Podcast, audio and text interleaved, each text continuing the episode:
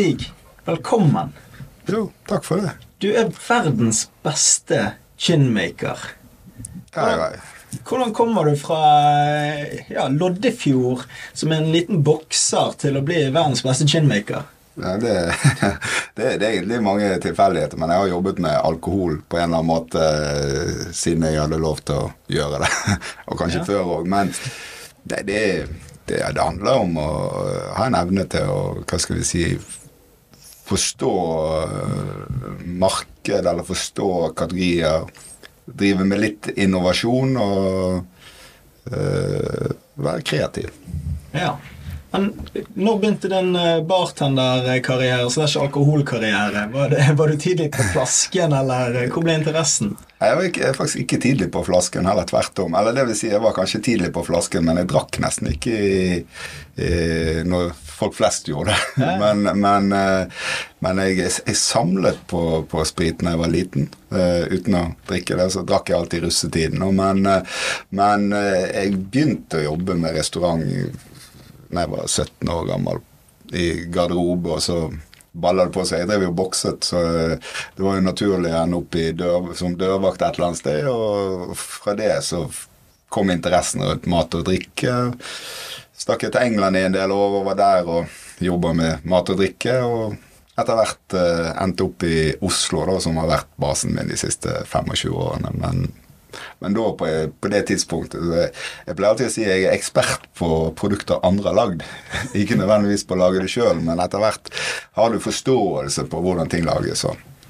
Det er jo sammensetningen av ting og som du sier, forståelse av hva er et bra produkt, en merkevare, sammensetningene som gjør det til eh, noe unikt. da.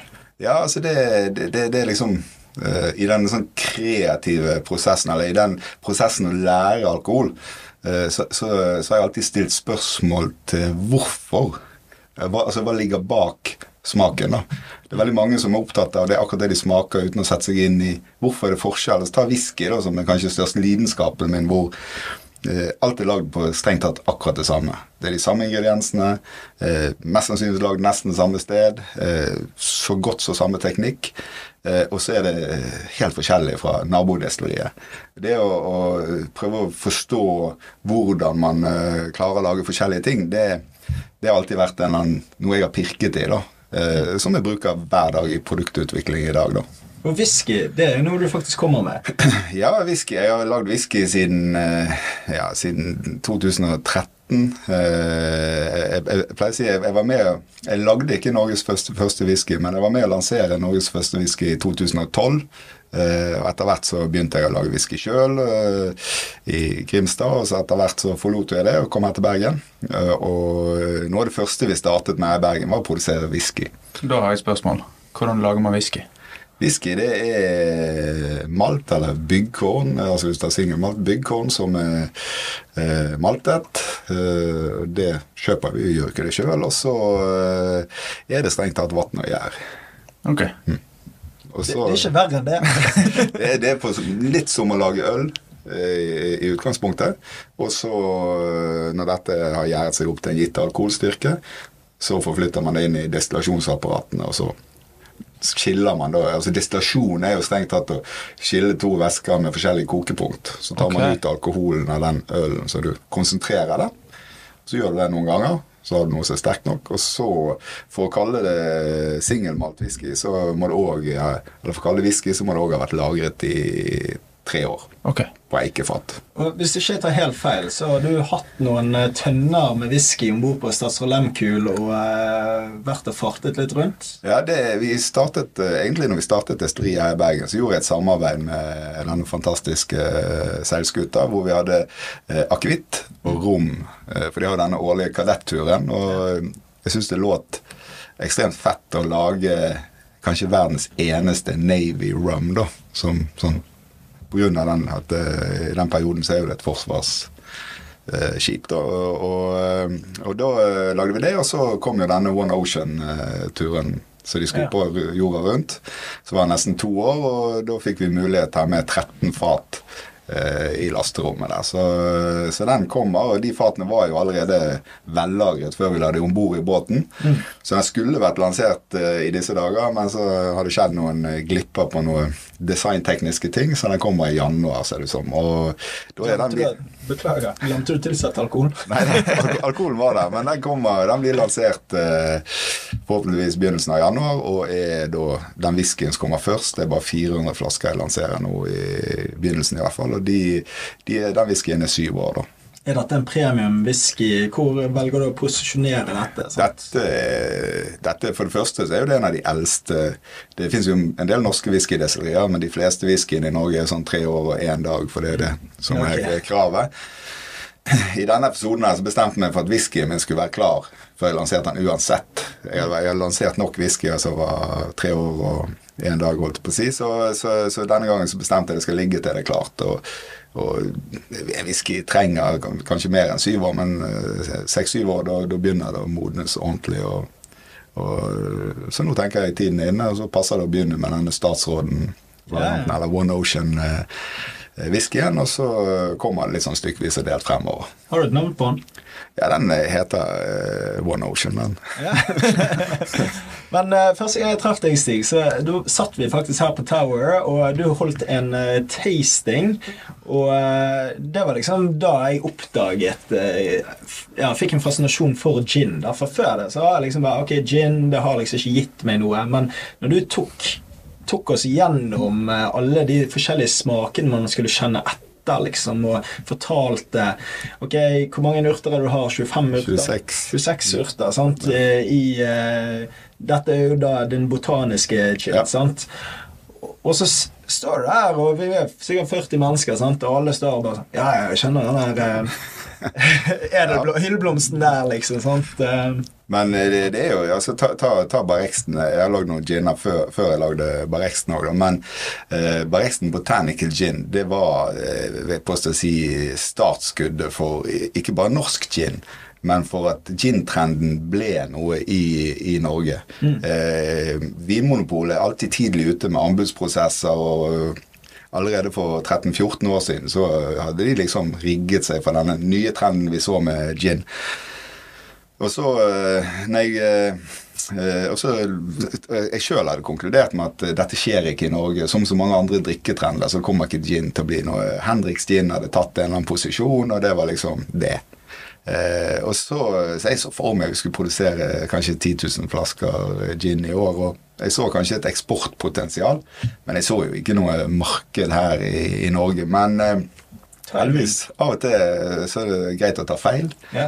Eh, og det her baller jo på seg, og det begynte jo egentlig i 2016, så når vi lanserte, så var jo ikke det Da solgte det akkurat som planlagt. 4000-5000 flasker. Jeg kjente sikkert de fleste som hadde kjøpt ei flaske. og og så begynte det i februar 2017 så begynte det å skje ting som eh, endret litt på, på planen, og ikke minst ga eh, optimisme. da. Og det var allerede i januar så ble vi omtalt i et sånt noe het International Wine and Spirit Report, hvor de mente den syveste, syvende største trenden i 2017 det skulle være nordisk drikke, litt pga. den nordiske kusinen som på en måte hadde herja verden. Hadde det litt med Vikings å gjøre, og TV-serien og at uh... Nei, jeg, jeg jeg tror ikke det hadde så mye med selve det produktet å gjøre. Det er vel noe som kom til det kanskje litt seinere. Men, men, i hvert fall det at Og Da ble vi omtalt, og den, altså nordisk drikke skulle være denne syvende største trenden. Og et av de produktene de mente kom til å trende, det var, var Rexten på et litt sånn generelt grunnlag. Okay. Ikke bare gin. Og så balla det på seg, men, uh, men, så vant vi mye priser til å begynne med og fikk veldig mye oppmerksomhet. Fikk eh, spotlighten litt tilbake igjen på gin, som hadde vært allerede noen år før. Men i, i denne episoden så var det norsk gin. Ja. Uh, og det, det, da skjedde ting. Og denne kategorien gin bare uh, doblet seg måned for måned på den premiumsiden av det. Og resten er jo historie. Gin har vært stabilt på ca. 400 000 liter i Norge siden 90-tallet, og i 2021 så ble det solgt nesten 1,2 millioner liter gin. Så det, og jeg alene produserte jo i 2021 ca. like mye gin som ble solgt i 2016. Oh. så Har jeg sto for en god del av dem. 2021. Nei da. Så eh, ja, det er jo ganske fascinerende. Men i 2017 så vant jo dere i San Francisco eh, verdens beste gin eh, første gang. Det begynte jo der. Ja. Eh, det, og det er jo litt sånn at når du gjør det ekstremt bra i første gang, da, så får du av og til litt utfordringer med å kommunisere alt det andre gøye som skjer. For samme sommer så gikk vi helt til topps i samtlige av de store internasjonale spritkonkurransene. Men eh, det kanskje viktigste i 2017, sånn snakker vi for hjemmemarkedet, da. Så, så var det DN gjorde en test på sensommeren i 2017 hvor, hvor da denne gin-spotlighten som jeg snakket om, hadde kommet tilbake igjen. Så gjorde de en ny test hvor de testet alle tilgjengelige ginner på Vinmonopol på det tidspunktet, som var 90 pluss. Uh, og så var det faktisk en norsk gin som gikk av med seieren, produsert i Bergen. Og, og da, da begynte volumene å komme. Da begynte det å skje ting eh, for vår del. Ja, hvordan er det å sette opp en slik produksjon og eh, fabrikk i Bergen? liksom? Det er ikke bare bare. Det koster jo mye. Dine konkurrenter produserer jo ikke akkurat med like dyre hva skal jeg si, arbeidskraft og diverse. sant? Eh, Hvordan velger man å starte et distilleri på Flesland? Altså, det er jo det som er fantastisk eh, med Bergen. da. Det, jeg, jeg har sagt det før, jeg sier det igjen. Det å investere i den businessen som jeg driver på med, det er total galskap. Det er Sannsynligheten for suksess vil jeg si er lik null. Uh, og- så har vi bevist det, det motsatte, da. Men eh, det krever en eh, porsjon galskap. Folk må tro på eh, visjoner og drømmer, og så må man bare håpe at det går veien. Og, og så trenger du uh, litt suksesshistorie underveis for å kunne fortsette å kapitalisere. For dette er veldig kostbart, og det er litt sånn nåløye-business. Men, eh, men eh, Bruker du da momentumet fra 2017 når du vinner verdens beste gin? Går du rett til investor og sier du, nå, nå har vi vunnet den beste prisen du kan få innenfor gin. Eh, la oss putte 10 millioner eller noe sånt på eh, videre satsing Egentlig, nå har jeg heldigvis sluppet å sitte med det å kapitalisere dette selskapet, men det har gått uh, veldig lett eh, egentlig hele veien. Det har vært stor interesse å være med. Noen bare på gøy, noen har sett eh, selvfølgelig sett på det som en god investering, men det har vært en salig blanding av entusiasme og, og galskap, vil jeg si. For du er daglig leder. Ja, sånn, jeg er faktisk ikke lenger. Jeg, har- jeg har vært eh, Vi ansatte eh, daglig leder i mars i fjor. Okay. Så at jeg skulle fokusere mer på det jeg egentlig skulle gjøre. Men uh, eh, jeg, jeg, navnet mitt står nå fremdeles på flaska, så jeg er ganske involvert i alle aspektene. Men vi er nesten 20 ansatte nå, så det er litt å holde styr på. Så jeg føler kanskje ikke helt den rollen jeg skal ha. Og så har du ganske mange reiseregninger, da. Mange. Eh, jeg reiser eh, For de som eh, følger meg på sosiale medier, som du gjør, så ser jeg jo at det er jo, det er jo galskap, det jeg holder på med. Jeg, bor, jeg, bor, jo, jeg bor jo fremdeles på Østlandet. I skogen. I skogen. Snart Ja, ikke skog passer, igjen. jo, eh, passer jo profilen din. Og så eh, er jeg mest i Bergen. Ja. Uh, I tillegg til det så klarer jeg å gjøre et par kontinenter i måneden. Sånn. For, bare Forrige uke så var det en veldig rolig og fin uke. Da, da rakk jeg å være i Bergen, Paris, London, Moss, Stavanger. ja. Hva gjør man i Moss? Da hadde jeg smaking for entusiaster. Og jeg, jeg gjør jo, det jo Jeg brukte et eksempel. Jeg satt her med, med noen. altså det, jo, det, det prosjektet her har jo ikke gått altså Folk har jo fått det med seg visse steder. Men heldigvis er det så smalt, det jeg holder på med. At eh, hvis jeg står utenfor to restauranter, så kan jeg gå inn den ene døren. eh, så vil jeg eh, ha en heltestatus i det jeg- øyeblikket jeg går inn. Og så kan jeg gå inn døren ved siden av, så har ikke de peiling på hva jeg holder på med. Det er litt sånn som T. Michael som sitter under oss her. da. Ja. Som jeg sier, når, når det kommer en japaner inn i butikken hans, så er han liksom bare Han er gud i deres øyne. Ja. Og det er jo du for eh, enkelte. Når du kommer inn på Pappa Bar for eksempel, her i Bergen, så har jo de eh, laget eh, et portrett av deg eh, på veggen som ser ut som du er Jesus. Men eh, mens andre bare kan gå inn i butikken hans og tenke ja, ok, dette var en koselig butikk. liksom, sant? Men har, han er jo Norges beste designer i mine øyne. og det, det er jo If you know, you know. Ja. Så hvis du har en interesse for Ja, ditt produkt er jo et premiumprodukt. Og eh, for uh, de som virkelig er opptatt av det aromat, ar, aromatiske Ja. aroma, sant? Eh, smaker og er litt feinschmecker på det. Det skal ikke bare være for eh, rusens skyld at du hiver i en flaske Reksten, sant? Nei, det, det var bare du nevnte Team Michael. Jeg, eh, siden eh, jeg pleier å si verden er en ekstremt liten plass hvis du bare velger å leke på hele, da. Så det er bare en liten måned siden jeg var besøkte Team Michael i Tokyo òg, da. Så, og det og han har jo en liten bar i, i butikken sin, og han eh, selger selvfølgelig Barexten i baren. Men når det skal være sagt, det var Team Michael som ordnet distribusjonen min i Japan.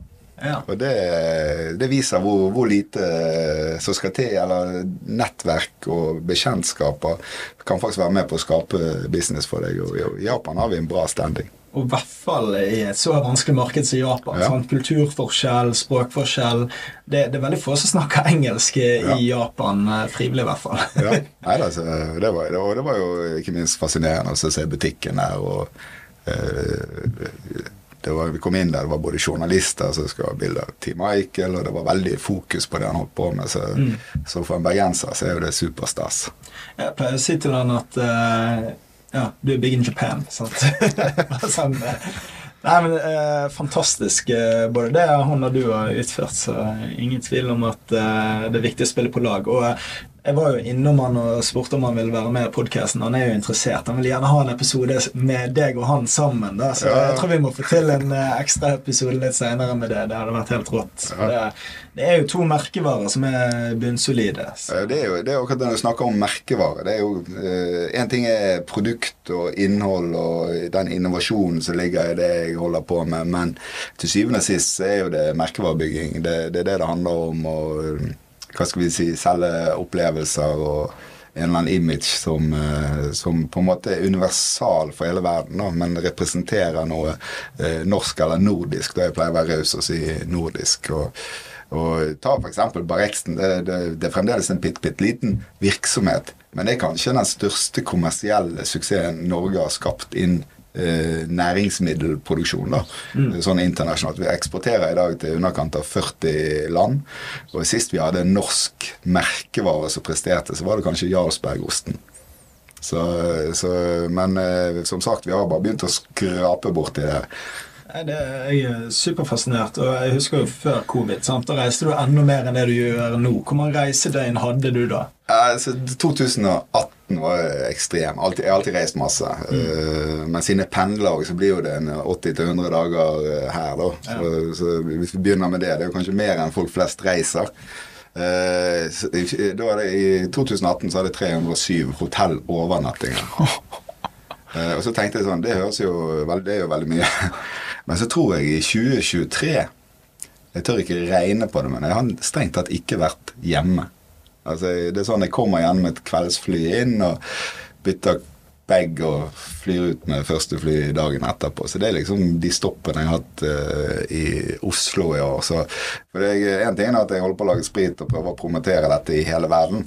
Uh, men uh, i tillegg så fikk jeg meg og en kamerat med Arne Hjeltnes Vi fikk en idé under pandemien, for vi hadde jo litt lite å gjøre da. At vi må lage TV-program eh, Hadde du lite å gjøre? Nei. Lagde ikke du eh, sprit, håndsprit og alt mulig? Men jeg reiste ikke like mye. Ja, ja, okay, Du kjedet deg, ikke sant? Eh, Og da eh, kom vi på denne gode ideen om å reise rundt og dokumentere denne nye industrien som skjer, som er spritproduksjon og drikkeproduksjon i Norge. da. Og med mat og drikke og destinasjoner som er sånn bakteppe. Og det sendte vi til USA, og folk syntes det var gøy. Jeg likte folka, men det var litt mye sprit. Så da måtte vi Det skulle hete Spirits of the North, og så måtte vi døpe om programmet. Egentlig samme innholdet, bare vi fikk med en kokk i tillegg, og så lagde vi et eh, program som het eh, People of the North. Og det kjøpte de, og eh, nå begynte vi i går å produsere tredje sesong, som går på amerikansk TV. Hvilken kanal går dette på? Det går på PBS, eh, så er det Public eh, Broadcasting System, så er liksom type NRK i, okay. i USA. Hva- Hvor mange seere har dere eh, på, eh, i løpet av en sesong der? Nei, det er noen millioner. Jeg, ikke, jeg vet ikke eksakt seertall, men jeg vet hvor mange visninger vi har hatt. Ja. Og vi, vi har ca. 20 000 visninger på de forskjellige. Det er 400 kanaler. da. Eh, 20 000 visninger hvor ca. 20 har vært eh, primetime. Da. Så, så det er nå en del millioner som ser Ja, det er helt rått. Men hva sier Hilde, du, eh, din kone, når du eh, ikke har vært hjemme en eneste dag i 2023? eh, Ja, det, er, Fullt og helt. det er jo et spørsmål jeg får eh, flere ganger om dagen. Og Hva sier familien? Holder de ut med dette? Og, eh, bare for å sånn, eh, ta det først. Da. Hilde eh, har vært med på begge de prosjektene jeg har gjort. Uh, og vi ser på det. Ungene mine heldigvis blir så store. Vi ser på hele greiene som et litt sånn familieprosjekt. Så noen må gjøre én ting, og noen må gjøre noe annet. Og jeg har- har jo på en måte en ganske sentral rolle i egen merkevare, så da får jeg eh, ta meg av det. Da. Men, eh, men det, det er jo et eh, felles prosjekt. Det er bare det at jeg står eh, Navnet mitt står på flaska. Eller etter hvert så står jo navnet til hele familien. Men, men eh, nei da, så det, det går bra med. Selvfølgelig med de utfordringer det innebærer ikke være hjemme. Det, det, det å fysisk eh, gå i posten og hente brev, det jo, klarer jo ikke jeg. For jeg er jo ikke det. Ja. Men eh, akkurat nå holder jeg på å bygge om denne hytta i skogen til et hus. eh, Med de utfordringer det innebærer. Og det, det er kanskje den største utfordringen. Når du har større prosjekter som min kone er nødt til å sitte i, som strengt tatt kanskje ikke har noen forutsetninger for å holde på med. Så, så der har det vært en litt sånn eh, bytte av roller, og, og det, det er kanskje det mest sånn utfordrende. At jeg har ikke den hands on til, til hverdagen. da. Og så er jeg veldig analog. Jeg er ikke så god på det digitale, så det blir jo telefon og Jeg liker å møte folk, da. Ja, du er flink til å kommunisere. Men eh, du er jo også flink til å ta med familien på veien. Da. Ja da. Hilde er jo eh, med på mye av reisene, og Vito eh, har jo jobbet noe her der. Ja da, det- som eldste sønn. Og nå har, de, nå har de endt opp i restaurantbransjen, begge gutter, da, så det begynner å Ja da, så de går samme sporene, men jeg tar de med så, så lenge det passer seg. Og det er jo fordelen med å reise masse. Man har jo så mye poeng man kan bruke òg. Men eh, har de mye med til Bergen, eh, Hvis det passer seg. Eh, på skolen så har vi alltid hatt en veldig sånn fin løsning at de har kunnet tatt fri pga. den situasjonen eh, som jeg er. Og, og passer det seg at jeg er i et land eller et sted hvor jeg kan ha med hele gjengen, og det går opp mot en helg eller et eller annet, så er de med. Så skulle gjerne hatt de med hele tiden. Jeg. Men, men da hadde jeg vært nødt til å legge meg tidlig òg. Dere nevnte håndspriter i sted. Ja. Hva, har du lagd håndsprit òg? ja da, vi, vi lagde Under pandemien så jeg, jeg så jo det der allerede på denne tiden her og tidligere i, før pandemien, så så jeg at uh, det kunne være en kul greie å gjøre som en litt sånn til kundene våre. Uh, men da var det litt uh, utfordrende å få etablert disse bevilgningene til å produsere håndsprit. Mens litt ut i pandemien så lempet de litt på, på regelverket. Og da var jo det ganske prekært i Norge. Det var jo ikke nok håndsprit, eller det var ikke nok sprit. Og da eh, hadde jo vi litt flaks. Eh, For det første så hadde vi alt, det, alt avfallet fra vår spritproduksjon som ikke er drikkbart. Det ble til håndsprit. Det må du egentlig betale for å kvitte deg med. Ja, helt riktig. Og så, eh, og så hadde jeg akkurat eh, kjøpt eh, noen hundre tusen liter med råsprit, for jeg skulle teste det store anlegget, for vi produserer jo alkohol også.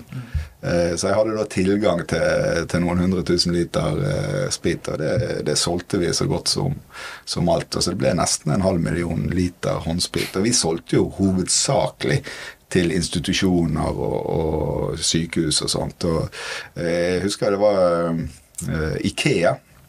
De, de ringte. Helt krise. Og da, da hadde vi akkurat kommet i gang, men så hadde vi blitt utsolgt. Og, og de var liksom eh, De var tom. Og for at de skulle kunne holde åpent i Ikea, så var det veldig sånn avhengig. Så det var nesten sånn på timen.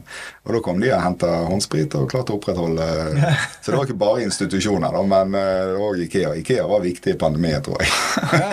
Men hva er forskjellen på produksjon å lage håndsprit og drikkelig sprit? Nei, altså det, det er akkurat det at eh, spriten skal være denaturert. Den skal ikke være drikkbar. Eh, jeg er helt sikker på under pandemien så var det mye drikk, drikkbar sprit som ble til håndsprit. Men eh, for det var en utfordring. Det var å få fatt i de komponentene til å gjøre det ikke drikkbart. Men hva Så- er det?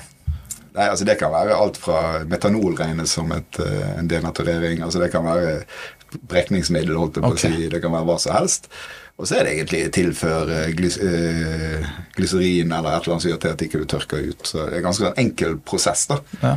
Og vi selger håndsprit ennå. Ja, og nå er jo det, Men selvfølgelig, markedet er jo ikke det samme som det var. Men, eh, men eh, det er helt klart at eh, det er vel ikke så lenge til behovet vokser på seg igjen.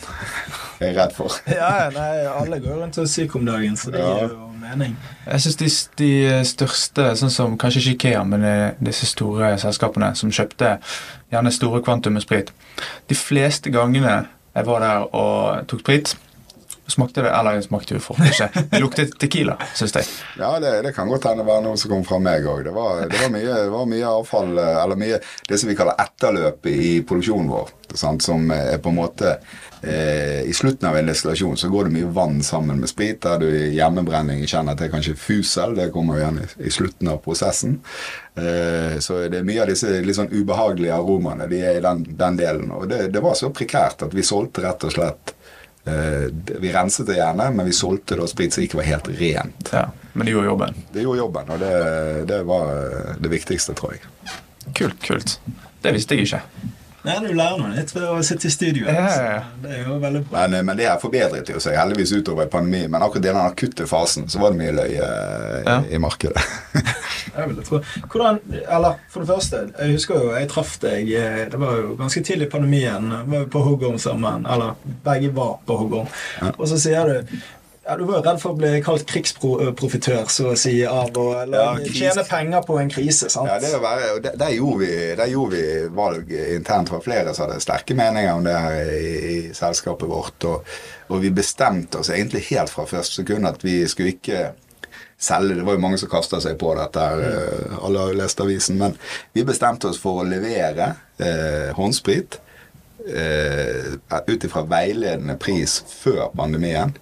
Og så litt billigere. Det var liksom eh, Det var vår strategi. Men det var som min far, altså. Alt du kan gange med millioner, det blir det butikk av. da, Det ble ikke millioner, men det ble, det ble noen enheter, for å si det sånn. Det ble 500 000 liter. Så, så, så, så ja, så det var ikke Det var egentlig ikke sånn Helt i starten så var jo ikke egentlig økonomien i det som var, var greia. Det var jo egentlig å holde hjula i gang. For den dagen eh, pandemien traff, så ble samtlige hos meg permittert.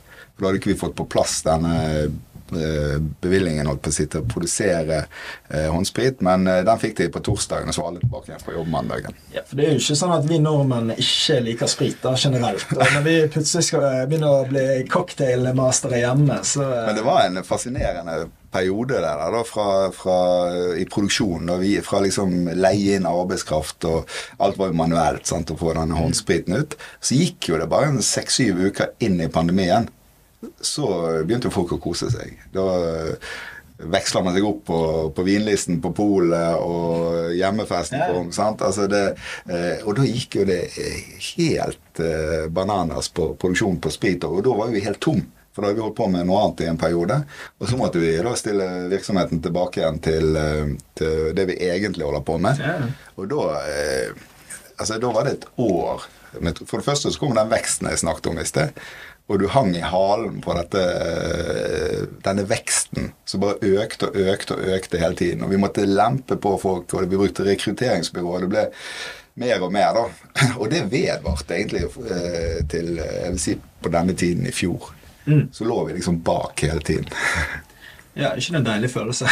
Jo da, jeg skulle gjerne hatt det sånn eh, hver dag. Nå er det mer sånn normalisert hver dag, men, eh, men eh, Men Følte du det var en katalysator for videre bygge merkevarene i Norge, da? Ja, jeg vil si pandemien var Fra å bygge kategorien, så var pandemien Uten den pandemien her så kanskje mitt merkevare hadde opprettholdt, for vi hadde jo var jo godt etablert inn i pandemien. Men eh, jeg tror faktisk eh, pandemien i seg selv eh, gjorde noe med hele kategorien gin. Så eh, Jeg føler jo gin har konkurrert ganske bra med vodka, Red Bull eh, i eh, utelivsbransjen. Det er jo blitt. Og det, det, det ser du òg i kategorien gin. Eh, Det er jo, sant, jeg lager jo ikke bare Barrexen, jeg lager disse Elsker-produktene som er kanskje nærmere vodka. Men vi, gin har jo tatt en del av det markedet. sant? Og så er det gin en eh, spesiell smak som ikke alle nødvendigvis eh, setter pris på. Og så eh, kommer disse smaksettervariantene. sant? Eh, det er noe jordbær, og det er ingefær og rabarbra, og det er eh, og så videre og så videre.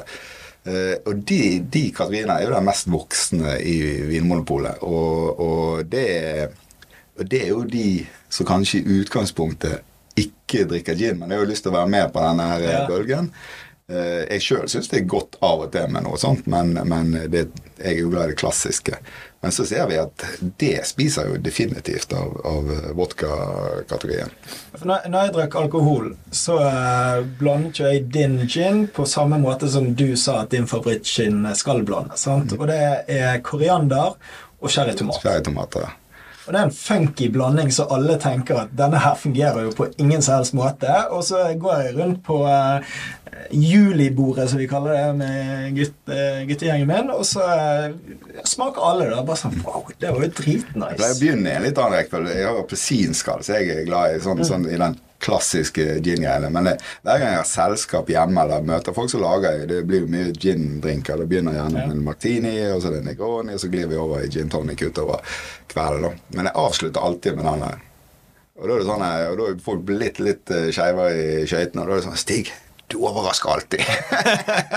For det, det drar deg i en retning du ikke forventer en gin tonic skal være. sant? Det, Ja, det er det er søtt, og det er litt mer sånn umami. Det er en, ja, du forventer friskt og sitrus. og- For det, før så var jo gin sant? Du sier Henriks, og det er jo agurk og eh, pepper. sant? Ja. Og eh, Personlig så har det aldri truffet meg, da. Og Ja. jeg syns jo ja, Skal like agurk, med sitron og Ja, det, ja, det smaker jo mann.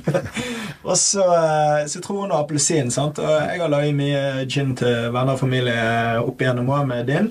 Og det, er- det sitter jo jævlig bra. Og jeg vet jo at din favoritt når du er ute og skal ha en martini på de fineste cocktailbarene rundt omkring i London, så er jo det en uh, twist av sitron der, og uh, ja Minst mulig av alt annet enn gin.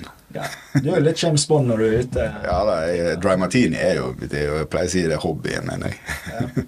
Ja. det, det, den begynte faktisk når jeg var uh, forholdsvis ung og bodde i England. Det var det å opp, eller det begynte med at jeg oppsøkte en bar som heter Dukes, eh, eller Dukes, Dukes Bar på Dukes Hotel, og, og så disse italienske bartenderne i hvit kostyme lage martinis, og så ble jeg helt solgt. Og siden den gang så har jeg reist masse. Så har jeg oppsøkt alle sånne ikoner. Det var jo da Ian Flemming skrev eh, Casino Royal. Og oh, ja. Siden den gang så har jeg eh, på en måte eh, oppsøkt steder hvor Hemingway eller andre store personligheter har sittet og drukket sine martinis. Så det, det er en eh, god Er, hobby er, å ha. det, er det disse som inspirerer deg? Ja, det er, jo, det, det, er- det er jo for så vidt det. det er litt, eh, Hvis du ser historisk sett på disse personlighetene, så er det på en måte de som har eh, gjort cocktails, og spesielt martini, og merkevarer tydelig. Eh, Så de har vært veldig viktige fra, fra den tiden man bare drakk for å bli beruset, til å gjøre alkoholkonsum eh, hva skal vi si, mer eh, sofistikert. da. Eh, Og disse, ikke bare menneskene, men òg disse stedene som har blitt kjent pga. de og eksisterer den dag i dag, er jo milepæler eller bærebjelker i det som jeg driver med. da. Det som jeg synes er veldig gøy med når vi går tilbake til merkevarer, det er jo Du signaliserer jo mye hvem du er, basert på eh, hva klokke du går med, hva sprit du drikker. Sant? Om du drikker vodka Red Bull, eller om du drikker din eh, gin med koriander og cherrytomat. Så, eh, så forteller du ganske mye om hvem du er som person, uten å egentlig kommunisere verbalt. da. I Norge så har vi på en måte ikke hatt tradisjon for brand calls, egentlig. Sant? Du skal ha vodka Red Bull, eller du skal ha gin og tonic, og du skal ha whatever. Uten å spesifisere hva du skal ha. Jeg, så, jeg har jobba som bartender i så godt som hele mitt liv. Da. Og det er ingenting jeg liker bedre enn en gjest. Uansett om det er dårlig, det produktet han velger. Men han spesifiserer akkurat hva han skal ha. Jeg skal ha en dry martini, men jeg vil ha den med den ginen. Og så har du en dialog, og så sier bartenderen ja, vil du ha med uh, sitron eller oliven? Altså du har liksom den dialogen. Uh, samme med en gin tonic, og, det, og der, er der, der er jeg sikker på at Barreksten òg har etablert seg som en sånn naturlig brand call. Mens historisk sett så har det kanskje vært eh, en eller annen smaksatt vodka, absolutt sitron med et eller annet. Eller kanskje det sterkeste som brandcall vi har hatt historisk sett, eller i hvert fall sånn de siste 20, 25 årene, det er jo Bombay. sant? Bombay tonic, Bacardi Cola. Det er liksom, der, der har det på en måte nesten stoppet. Og så nå med denne nye bølgen og nye lokale giner og sånt, så er folk Jeg skal ha en Barreksten et eller annet, eller jeg skal ha en brennevinsgrov. Er du i Nord-Norge, så skal du ha Bivrost sin, eller er du i Grimstad, så skal du ha Harehorn. Så, så det har vi liksom fått til i den kategorien. Men har ikke du laget flere av disse andre gin i tillegg? Jo da, jeg har putla med Jeg var jo i Grimstad i, til å begynne med, så jeg lagde jo denne harehorn som, som på en måte var den første kommersiell eh, jeg vil si suksess, fordi det ikke ble så store volumer av det. Eh, og gjort det veldig bra internasjonalt. Og så har jeg tukla med noen ginner oppe i Nord-Norge òg, som har gjort det veldig bra. Så og jeg har på en måte, jeg er helt transparent. Jeg har ingen hemmeligheter. Jeg, jeg ønsker jo bare at alle skal ha suksess, da, så jeg har delt mine erfaringer, og ikke minst eh, Jeg også ønsket jeg helt i starten at alle skulle lage gin, norsk gin etter min støpeform. da. At det skulle bli tydelig, en tydelig identitet. Om det kom fra Lyngseid eller Grimstad eller Bergen eller hvor det skulle være, så hadde vi en tydelig identitet på hva norsk gin skulle være. Så jeg hadde veldig sånn tidlig lyst til at alle skulle følge den støpeformen. Eh, Så så jeg har hjulpet eh, kanskje titalls destillerier med å utvikle produkter. Ikke med min oppskrift, men har satt i en eller annen retning, sånn at det har blitt uh. Men til folk som ønsker å komme inn i uh, gin-markedet altså Hvis du ikke liker gin tonic, men du ønsker å like det, har du en fin inngang, et bra blandevann?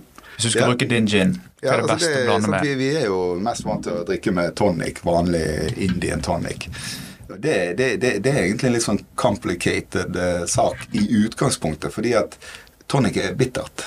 Og bitterhet er jo på en måte den siste smaken vi lærer å sette pris på. da. Men der har jo jeg, jeg bruker å si skallet i sitrus, altså om det er lime eller sitron eller hva som helst, eh, gjør noe med bitterhet. Og appelsin, f.eks., det er en veldig sånn bløt øh, friskhet, og så gjør det noe med, med bitterheten. Så jeg foretrekker appelsin fremfor noe annet. Øh, fordi at det, det snur det til en mer positiv opplevelse. Men fremdeles så er jo det bittert. Så det er jo heller å prøve andre eh, blandevann. Altså andre, ikke nødvendigvis bare klassisk tonic, men nå er jo det eh, alt fra hylleblomst eh, Altså det er mye forskjellige smaker. Eh, du har sånn her pink grapefruit som er veldig populært, så gir den, Men det er bittert, men friskt. sant?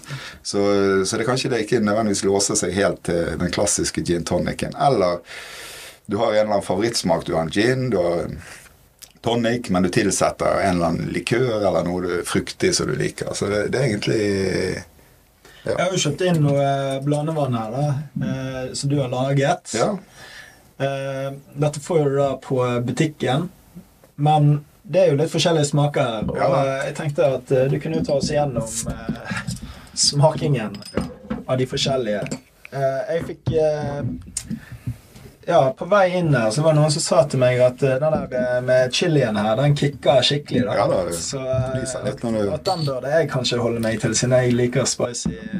Men uh... Men akkurat også sånn ginger beer, da, som er veldig spicy, det, det er òg kanskje det beste blandevannet til alt mulig. Det funker ekstremt godt til akevitt, whisky, og så, så har det så mye smak med seg. Og så er det ikke bittert. da. Så gingerbær som blandevann. Mm. Det, det er en sånn ja, så god, her kan du smake en sånn. da. Ja. Jeg vet ikke om du har prøvd det før. ja det. Og dette er Dette er chilien. da. Lukter du, så nyser du. Ja, det var, det var Det begynner å harke. Og hva er det i denne her? Det er ingefær, chili, sukker og vann. Det er ikke verre enn det. Det kicker. Men her kan du dytte oppi uh, ditt brennevin av uh, ditt favorittbrennevin uansett. ja, hva hva- mikser du? liksom? Hva putter du oppi den med chili? Den Dette er der- fantastisk til gin. Ja. Så gjerne lime, Uh, men akevitt, som vi kanskje ikke er like vant til å drikke i, i, som drink, i drinker, da, er fantastisk godt med, med, med, med ginger beer. da. Så, og det, og det er jo det, det er jo akevitt jeg egentlig eh, lager. Altså sånn, Det er der det begynte. Det er det jeg ønsker skal bli den store trenden. Derfor er vi partner med 50 Best Bars, for jeg ønsker å promotere norsk eh, akevitt. og eh, i gin-verdenen så er det bare i Europa 9500 tilbydere av gin, og kanskje 50 innen akevitt. Så hvis vi klarer å etablere en trend med akevitt, så, så, så, så blir det bra. Jeg pleier å si For ti år siden så var jeg i New York og med, da lagde jeg et annet produkt enn det jeg har i dag. Og det skal da bli kontra hele tiden med akevitt. Å, the Nordic uh, gin. Og så gikk jeg hjem så lagde jeg en akevitt som var litt nærmere gin. da, Men, men eh, da sa jeg at i løpet av fem år så tror jeg folk vil vite forskjell på norsk og dansk og svensk akevitt. Del to av denne episoden ligger allerede ute. God lytt.